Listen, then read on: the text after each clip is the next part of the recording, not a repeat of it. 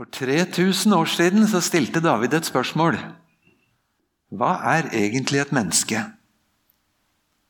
Det er et ganske moderne spørsmål, og et klassisk spørsmål. Vi blir ikke så fort ferdig med det. Den bibelteksten jeg har lyst til å dele med dere i dag, det er Salme 8. Den går det an å lese sånn litt roligere i kveld eller i morgen når det er helligdag. Det går til og med an å prøve å lære den utenat. Den er liksom akkurat passe lang til det. For hva er egentlig et menneske, spør David. Han spør på en måte som jeg syns er bare så spennende og fascinerende. Jeg tror at da David skrev den salmen første gang, eller fikk inspirasjonen til det, da tror jeg han lå rett ut i gresset og kikka rundt seg og kikka opp på himmelen. Det begynner med et sånt fint utsagn. Herre, hvor herlig ditt navn er over hele jorden. Du som laga sola, månen, stjernene, plasserte de Litt fritt gjengitt, det han sier. Og når jeg tenker på hvor stor du er som gjorde det der, og hvor enormt skaperverket, så må jeg spørre hva er egentlig et menneske? Vet ikke om noen av dere har hatt den opplevelsen? Å møte et eller annet i naturen som er litt svært, så du blir litt liten. Jeg hadde den sånn ca. 10. juli i California. Godt inne i fjellene indre av California. Et sted som heter Sequoia. Et eget treslag som er jordas største trær. Selve trestammen på et av de trærne jeg sto ved, den var 80 meter høy. Og da begynner liksom krona. Og Det er 12 meter rundt stammen. Og Egentlig er det en slags tujaplante. Fikk tatt et bilde av eh, meg selv foran trestammen, og da ser jeg liksom den lille fyrstikken.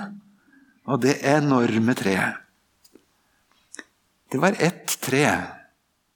Tunnel gjennom en trestamme, for det er plass til en bil som kan kjøre gjennom stammen og komme ut på andre siden. Hvor stor og liten blir jeg da? To-tre små fun facts som jeg har fanget opp. Forskerne, astronomene, de har anslått at antallet planeter som man vet om Jeg skal ikke engang prøve å si hvor mange nuller det er bak der. Men det er faktisk omtrent antall samme som hvor mange sandkorn det finnes på hele planeten vår. Tenk om du har prøvd å telle Sahara? Mange sandkorn er det? Cirka like mange som de antatte stjernene på himmelen. Og så sier kjemikeren at det tallet det ligner veldig på det antallet atomer du har i ett gram med kull. Mikrokosmos og makrokosmos. Antall stjerner som David blir overveldet av. Antall sandkorn over hele planeten vår. Antall atomer i ett eneste gram med kull. David hadde sikkert ikke akkurat de tallene på det, men samme umiddelbare opplevelse som du og jeg. Wow, du er stor, Gud. Du er megastor. Som kan og vil og lager alt det der. Når jeg ser din himmel, dine fingres gjerninger, månen og stjernene som du har satt der, hva blir da et lite menneske? Da føler vi oss bitte små. Jeg var så dum at jeg sa det en gang. Det var på Fjellhaug for over 30 år siden. Det kom masse gjester, og så skulle jeg vise dem rundt på Fjellhaug. Og For dere som er godt kjent her, så vet dere at når du kommer inn i det store hovedbygget og går opp trappa, så er det plutselig en sånn svær vegg som er helt blå. Som skal være et forsøk på å ta stjernehimmelen sånn som den kanskje var den natta Jesus ble født, med Betlehemstjernen. Og Så har vi kommet så langt på omvisningen på Fjellhaug at vi kom dit. Det som var stilig, var at det var en med det var Trygve Bjerkreim.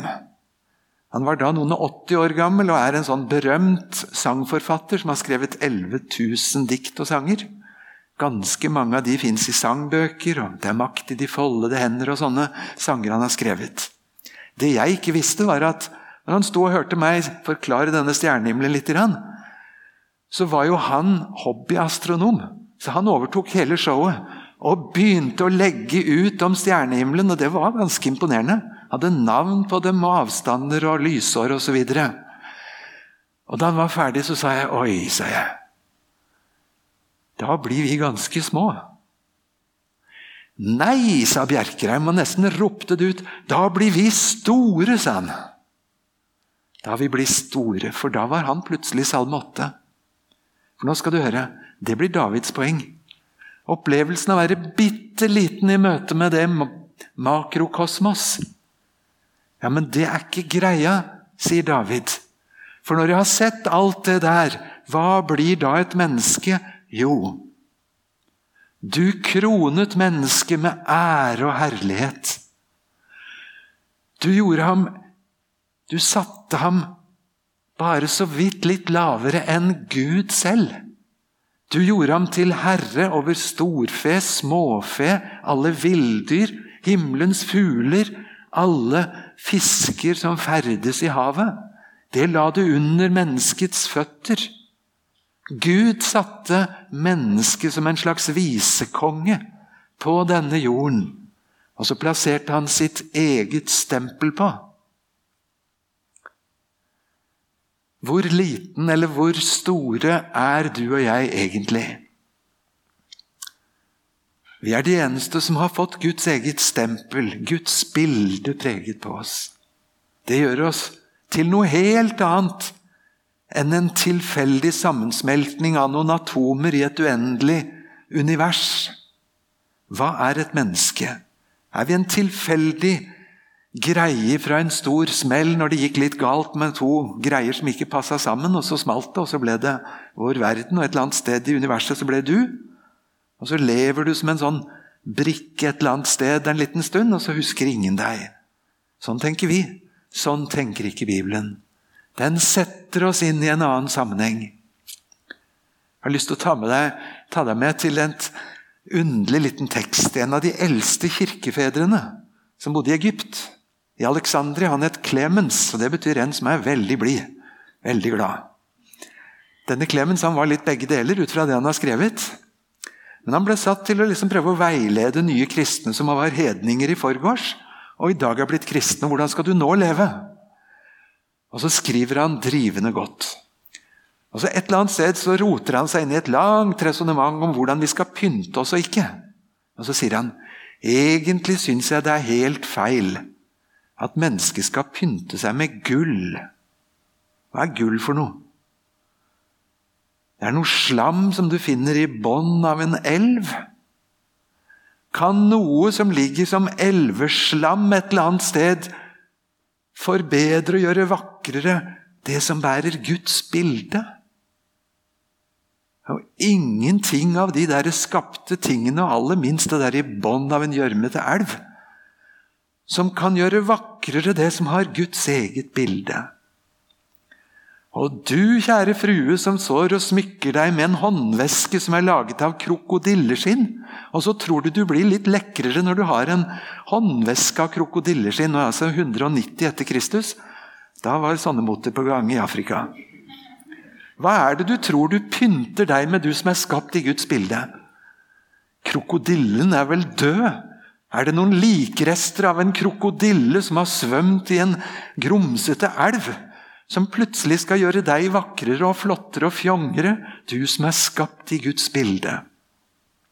Og hva med den der hårnåla du har der?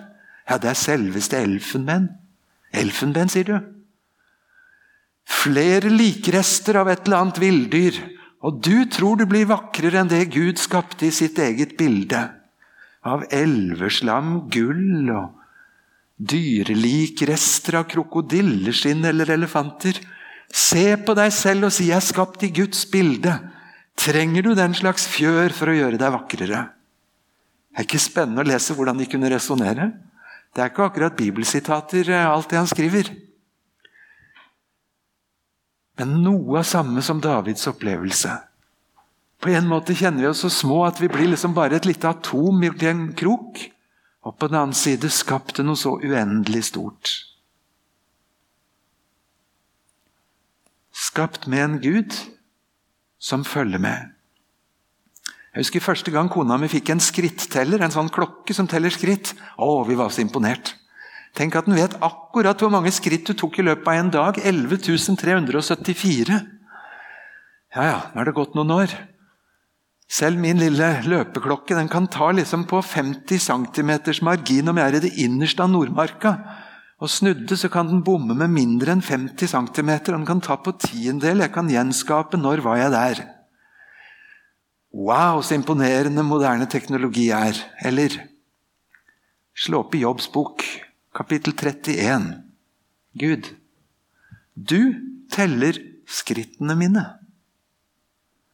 Den moderne skrittelleren blir bare en bitte liten etterapning på en litt annen måte av en som har telt hvert skritt ifra Adam og Eva første gang beveget seg i paradiset. Ikke bare en skritteller, men en hårteller. Det er noen som bruker lang tid foran speilet. Jeg hadde to søstre en gang i tida, og jeg syntes det gikk litt tregt på badet. ikke de var ferdige, spurte jeg om de hadde telt hvert eneste hår de hadde på hodet. Det var ikke pent sagt. Men det har Gud. Han som er min skritteller, han er også min hårteller. Ikke fordi han er spesielt interessert i hår, han er spesielt interessert i meg og deg. Og en sånn liten detalj som antall hår oppdatert i dette sekund, det engasjerer Gud. Hvor stor eller liten blir jeg da i forhold til en ekstra planet 70 000 lysår vekk? Han er også min tåreteller. Det har jeg ikke sett er oppfunnet noe sted ennå, men kanskje fins det. Lokal nedbør fra øyekroken min ned på puta om natta. Det er ikke bare det at han teller dem, men han samler på dem i sin flaske. Det er det også David som sier i Salme 56. Du har samlet alle mine tårer i din flaske. Tenk for en gudsomsorg. Hvem er du? Er du et tilfeldig apemenneske på jorden et eller annet sted i verdenshistorien som har din plass her noen få år, og så glemmes du? Nei. I Guds bok er hver dag skrevet opp før en av dem er kommet. Teller dine skritt, teller dine hårstrå, teller dine tårer. Følger deg. Mot denne Gud sin store horisont fins jeg. Hvor skal jeg fly fra ditt åsyn? Hvor skal jeg gjemme meg? spør David en annen gang når han blir fanget av dårlig samvittighet. Når det ikke er greit å vite at Gud følger og ser hvert eneste skritt. Hvor skal jeg stikke av? Skal jeg grave meg ned? Det hjelper ikke. Du har vært i bånn. Skal jeg fly opp på himmelen? Ja, klarer jeg å fly høyere enn Gud? Natten null problem for Gud. Da han hadde gjort den forferdelige synden mot Urias og fått drept ham, etter å ha gjort en annen forferdelig synd imot Batseba og prøvd med dekkoperasjoner så vet også da David at det er imot deg, Gud, alene at jeg har syndet. Først og fremst er det deg jeg forholder meg til. En dag skal du hente meg inn, snakke med meg om livet mitt. Du satte noen bud, noen forbud, noen standarder. Du ville noe for livet mitt. Men sammen med de andre tobeinte så gikk vi vår egen vei bort. Hvordan skal jeg klare å gjemme meg så lenge jeg prøvde å skjule min synd, så gikk det bare nedover, sier David. Men så steg jeg fram for Gud og bekjente det. Og så fikk jeg legge det av. Og så sier han da ble jeg salig. Et fantastisk ord. Da er det som om himmelen griper inn i min Facebook-identitet og plutselig endrer min status og sier denne personen er salig. Himmelen gratulerer. Himmelen forteller meg noe om hvem jeg er, på en måte som jeg aldri kunne funnet på selv. Ren, rettferdig, himmelen verdig. Er jeg i verdens frelser allerede nå? Gud kan gripe inn i min kontodefinisjon og kalle meg det jeg ikke selv opplever. Min natur er dessverre ikke helt med Gud.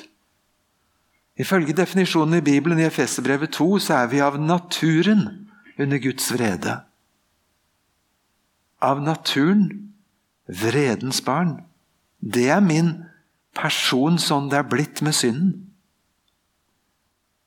Så var det denne Jesus som kom og forsynte seg med alt som var av synd, og bar det vekk, og gjorde meg til det jeg ikke var, til et Guds barn. Når David tenker over det, så sier han her ligger jeg i gresset, ser på stjerner, måne, alt du har skapt, føler meg liten. Men så hører jeg fra Guds åpenbaring, jeg er lite ringere enn Gud. Du satte meg bare lite lavere enn Gud selv, kronet med ære og herlighet. Følge meg, teller skritt, tårer, hårstrå, dager. Jeg vet hvem som har laga meg. Prøv å gå ut på gata og komme i kontakt med folk og si Jeg vet faktisk hvem som laget meg. Jeg vet hvorfor han laget meg. Jeg vet hvorfor jeg fins. Jeg vet hva som skjer når jeg dør. Jeg vet til og med hvem som møter meg der. Og han har tenkt å holde det gående etterpå også. På vei til møtet i dag så gikk jeg forbi en reklameplakat, og det sto med svære bokstaver 'Ingen bindingstid'. Sikkert et eller annet abonnement-greier. Og Jeg gikk og tenkte på det motsatte, som vi skal synge om nå rett etterpå. Om Guds evige kjærlighet. Her er det lang bindingstid. Med evig kjærlighet har jeg elsket deg. Og se, jeg er med dere alle dager inntil verdens ende. Kjærlighet binder og forplikter. Guds hjerte er forpliktet og knyttet og koblet og bundet opp mot deg og meg. Det koster ham en vanvittig smerte når noen går bort fra ham. Det koster ham smerte når vi har det vondt, også om vi hører ham til. For han har et større hjerte for oss enn vi klarer å mobilisere selv, til og med. Likevel så respekterer han et nei, kan det se ut som. Men han byr seg til med en evig kjærlighet. Så hva er da et menneske? Føler deg bitte liten innenfor et eneste sequoia-tre 80 meter før du når til kronen.